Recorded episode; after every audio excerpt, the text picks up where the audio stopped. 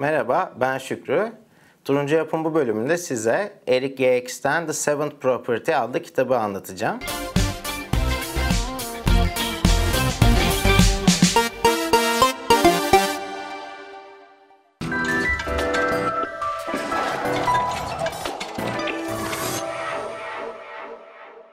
The Seventh Property yani paranın yedinci özelliği e, kitabı Eric Yax'in ilk kitabı. Eric Yax genç bir e, aslında finansal yatırımcı, e, özel yatırım firmasında çalışmış. 25 yaşına geldiğinde işte evini almış, normal hayatını belli bir düzene oturtmuş. Sonra demiş ki evimi satayım, gerçekten her şeyi unutayım. 1-2 yıl böyle annemin evine taşınayım. O süreçte de kendime zaman ayırayım. Hani biraz daha Bitcoin'i anlamaya çalışayım. Hatta işte Jimmy Song'dan e, Bitcoin programlama ile ilgili ders alayım. Onun için Python yazılım dili öğreneyim gibi gibi e, bir düşünceye giriyor. Ve gerçekten de e, Amerika'da çoğu insanın böyle yapmaktan çekineceği şekilde evini satıyor, ailesinin yanına taşınıyor, kendini bodruma kapatıp Bitcoin çalışmaya başlıyor.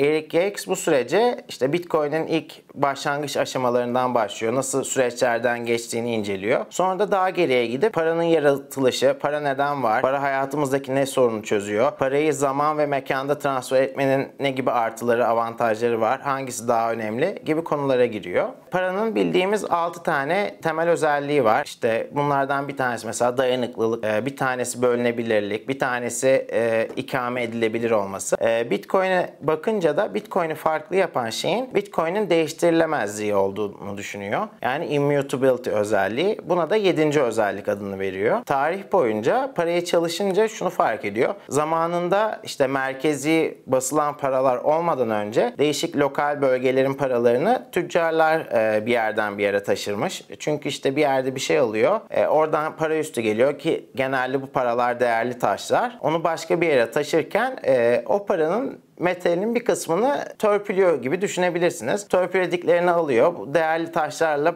başka paralar yaratmaya başlıyor vesaire derken paranın değerini düşürüyor. Merkezi yapılar e, zamanla bunu fark edince merkezleşmeye başlıyor ve işte daha resmi devlet darphanelerinde işte o zaman ülkelerin darphanelerinde basılmaya başlıyor. Bu sefer tüccarlar değil darphaneler yani hükümetlerin resmi darphaneleri hükümetlerin emriyle birlikte parayı seyretmeye başlıyor. Gene paranın kalitesi bozuluyor. E, zamanla işte telgraf vesaire gibi e, teknolojiler de geliştikçe para daha çok banknot hali, haline dönüşmeye başlıyor. Fiziksel olarak taşınmaktan ziyade daha transferi kolay bir hale getiriliyor. Bu da kısmi rezerv bankacılığına sebep oluyor bu sefer de.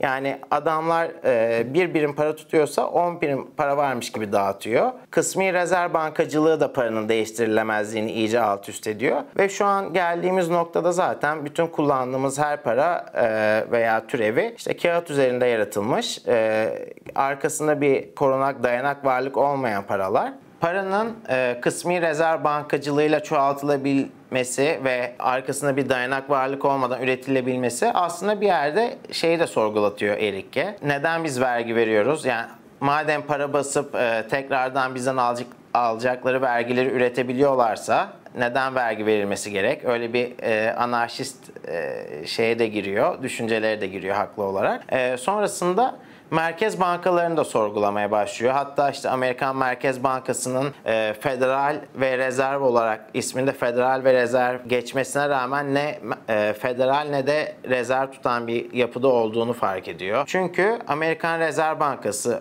özelinde e, özel bir şirket gibi hareket eden ama federal e, yasalarca korunan bir yapı ile karşılaşıyor. Federal Rezervin yani Amerikan Merkez Bankası'nın neden e, hükümetin olmadığını da araştırıyor ve işte anayasanın 2B maddesine göre e, ülkenin direkt kendi para basamayacağını görüyor. E, bunu bypass etmek için de Merkez Bankası gibi bir e, enstrümanın ortaya çıkarıldığını savunuyor. Merkez Bankası'nın yapısını anlattıktan sonra fonksiyonları ve sorumluluklarından da bahsediyor. E, hatta şeyleri de sorguluyor. Hani sosyal programlar bu kadar artmışken nasıl gelir dağılımı gittikçe bozuluyor? Bunun sebebi nedir? Onları sorgulamaya da başlıyor bir yerde kitapta. Bunun dışında merkez bankalarının nasıl e, görevini kötüye kullandığını ve e, geçmişte de yaşanan örnekler üzerinden anlatıyor. anlatıyor.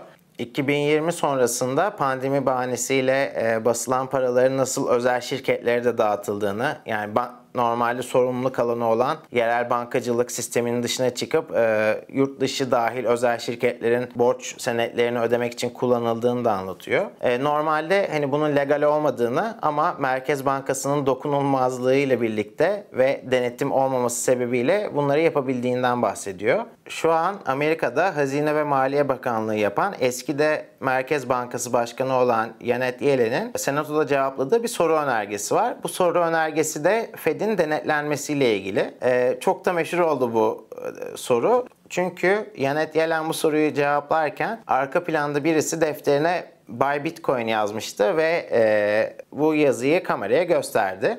Janet Yellen Fed'in denetlenmesi gerekmediğini çünkü zaten Fed'in her şeyin açık olduğunu ve hiçbir şekilde denetime daha derin denetime ihtiyacı olmadığını anlatıyor. Ama bir yerde de hani bütün herkes adına para üreten, dağıtan e, bir yapının denetlenmemesi de bana da çok mantıklı gelmiyor açıkçası. Yazar Yates, e, Amerikan Merkez Bankası'nı eleştirdikten sonra Bitcoin üzerinden neleri nasıl e, farklı yaptığını anlatmaya başlıyor. Nasıl denetlenebilir olduğunu, nasıl e, kuralların değişmediğini ve değişmesinin çok zor olduğunu, e, uzlaşı mekanizmalarının e, önemini anlatıyor. E, ve burada da birebir örneklerle ka- karşılaştırıyor iki yapıyı. Paraya değiştirilememezlik özelliğinin gelmesi bir yerde aslında bir e, spor müsabakası olarak da düşünülebilir. Yani müsabakanın içinde kurallar değişiyorsa o oyunu kimse oynamak istemez. Özellikle de kuralların aleyhine değiştiği kesim. Şu an dünyada böyle bir şey yaşanıyor. Bir kesim ne kadar çok e, üretim yapmaya çalışırsa çalışsın, emek harcasa da e, verdiğinin karşılığını her geçen gün daha azalmaya başlıyor. Bitcoin de bu sorunu hayatımızdan çıkaracak bir özellik olan değişmezlik özelliğine sahip. Bitcoin'i Merkez Bankası gözüyle anlamak isterseniz bu kitabı okumanızı tavsiye ederim.